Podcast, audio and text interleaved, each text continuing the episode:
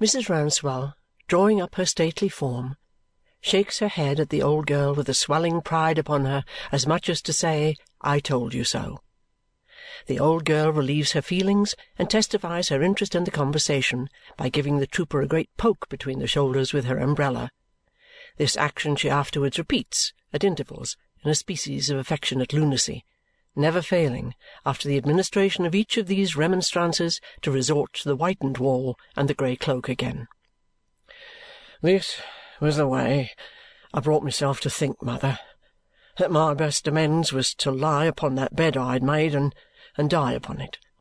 And I should have done it, though I have been to see you more than once down at Chesney Wold when you little thought of me.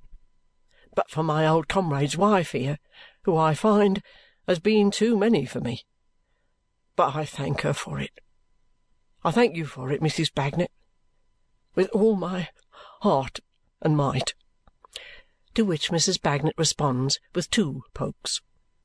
And now the old lady impresses upon her son George, her own dear recovered boy, her joy and pride, the light of her eyes, the happy close of her life, and every fond name she can think of, that he must be governed by the best advice obtainable by money and influence, that he must yield up his case to the greatest lawyers that can be got, that he must act in this serious plight as he shall be advised to act, and must not be self-willed, however right, but must promise to think only of his poor old mother's anxiety and suffering until he is released or he will break her heart. Mother, 'tis little enough to consent to returns the trooper, stopping her with a kiss. Tell me, what shall I do? And I'll make a late beginning and do it. Mrs. Bagnet, you'll take care of my mother, I know. A very hard poke from the old girl's umbrella. If you bring her acquainted with Mr. Jarndyce and Miss Summerson, she will find them of her way of thinking, and they will give her the best advice and assistance. And George, says the old lady, we must send with all haste for your brother. He is a sensible, sound man, as they tell me, out in the world beyond Chesney Wold, my dear, though I don't know much of it myself, and will be of great service. Mother, returns the trooper, is it too soon to ask a favour? Surely not, my dear. Then grant me this one great favour. Don't let my brother know. Not know what, my dear? Not know of me. In fact, mother, I can't bear it. I can't make up my mind to it. He has proved himself so different from me and has done so much to raise himself while, while I've been soldiering that I haven't brass enough in my composition to see him in this place and under this charge. How can a man like him be expected to have any pleasure in such a discovery? It's impossible.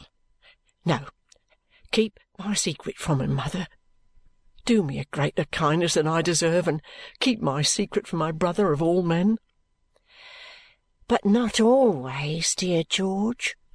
Why, mother, perhaps not for good and all, though I may come to ask that too. But keep it now, I do entreat you. If it's ever broke to him that his rip of a brother has turned up, I could wish, says the trooper, shaking his head very doubtfully, to break it myself and be governed as to advancing or retreating by the way in which he seems to take it. As he evidently has a rooted feeling on this point, and as the depth of it is recognized in Mrs. Bagnet's face, his mother yields her implicit assent to what he asks. For this he thanks her kindly. In all other respects, my dear mother, I'll be as tractable and obedient as you can wish. On this one alone, I stand out. So, now I am ready, even for the lawyers. I've been drawing up," he glances at his writing on the table, "an exact account of what I knew of the deceased and how I come to be involved in this unfortunate affair. It's entered, plain and regular, like an orderly book. Not a word in it but what's wanted for the facts. I did intend to read it, straight on end, whensoever I was called upon to say anything in my defence. I hope I may be let to do it still, But I have no longer a will of my own in this case, and whatever has said or done, I give my promise not to have any. Matters being brought to this so far satisfactory pass, and time being on the wane, Mrs. Bagnet proposes a departure. Again and again the old lady hangs upon her son's neck, and again and again the trooper holds her to his broad chest. "Where are you going to take my mother, Mrs. Bagnet?"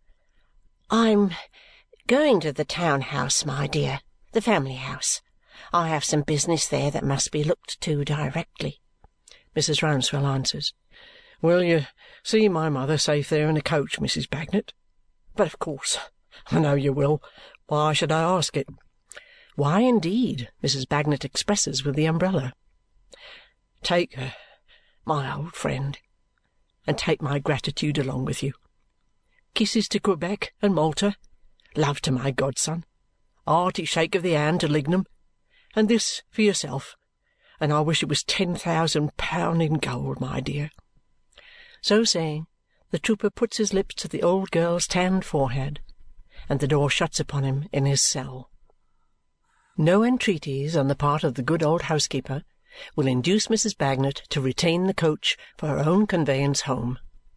Jumping out cheerfully at the door of the Dedlock mansion and handing Mrs. Rouncewell up the steps, the old girl shakes hands and trudges off, arriving soon afterwards in the bosom of the Bagnet family and falling to washing the greens as if nothing had happened. My Lady is in that room in which she held her last conference with the murdered man, and is sitting where she sat that night, and is looking at the spot where he stood upon the hearth studying her so leisurely, when a tap comes at the door. Who is it? Mrs. Rouncewell. What has brought Mrs. Rouncewell to town so unexpectedly? Trouble, my Lady. Sad trouble. Oh, my Lady, may I beg a word with you? What new occurrence is it that makes this tranquil old woman tremble so? Far happier than her Lady, as her Lady has often thought, why does she falter in this manner and look at her with such strange mistrust? What is the matter? Sit down and take your breath. Oh, my Lady, my Lady! I have found my son, my youngest, who went away for a soldier so long ago, and he is in prison. For debt? Oh, no, my Lady. I would have paid any debt, and joyful. For what is he in prison, then? Charged with a murder, my Lady, of which he is as innocent as, as I am. Accused of the murder of Mr. Tulkinghorn. What does she mean by this look and this imploring gesture? Why does she come so close? What is the letter that she holds? Lady Dedlock, my dear lady, my good lady, my kind lady, you must have a heart to feel for me. You must have a heart to forgive me. I was in this family before you were born.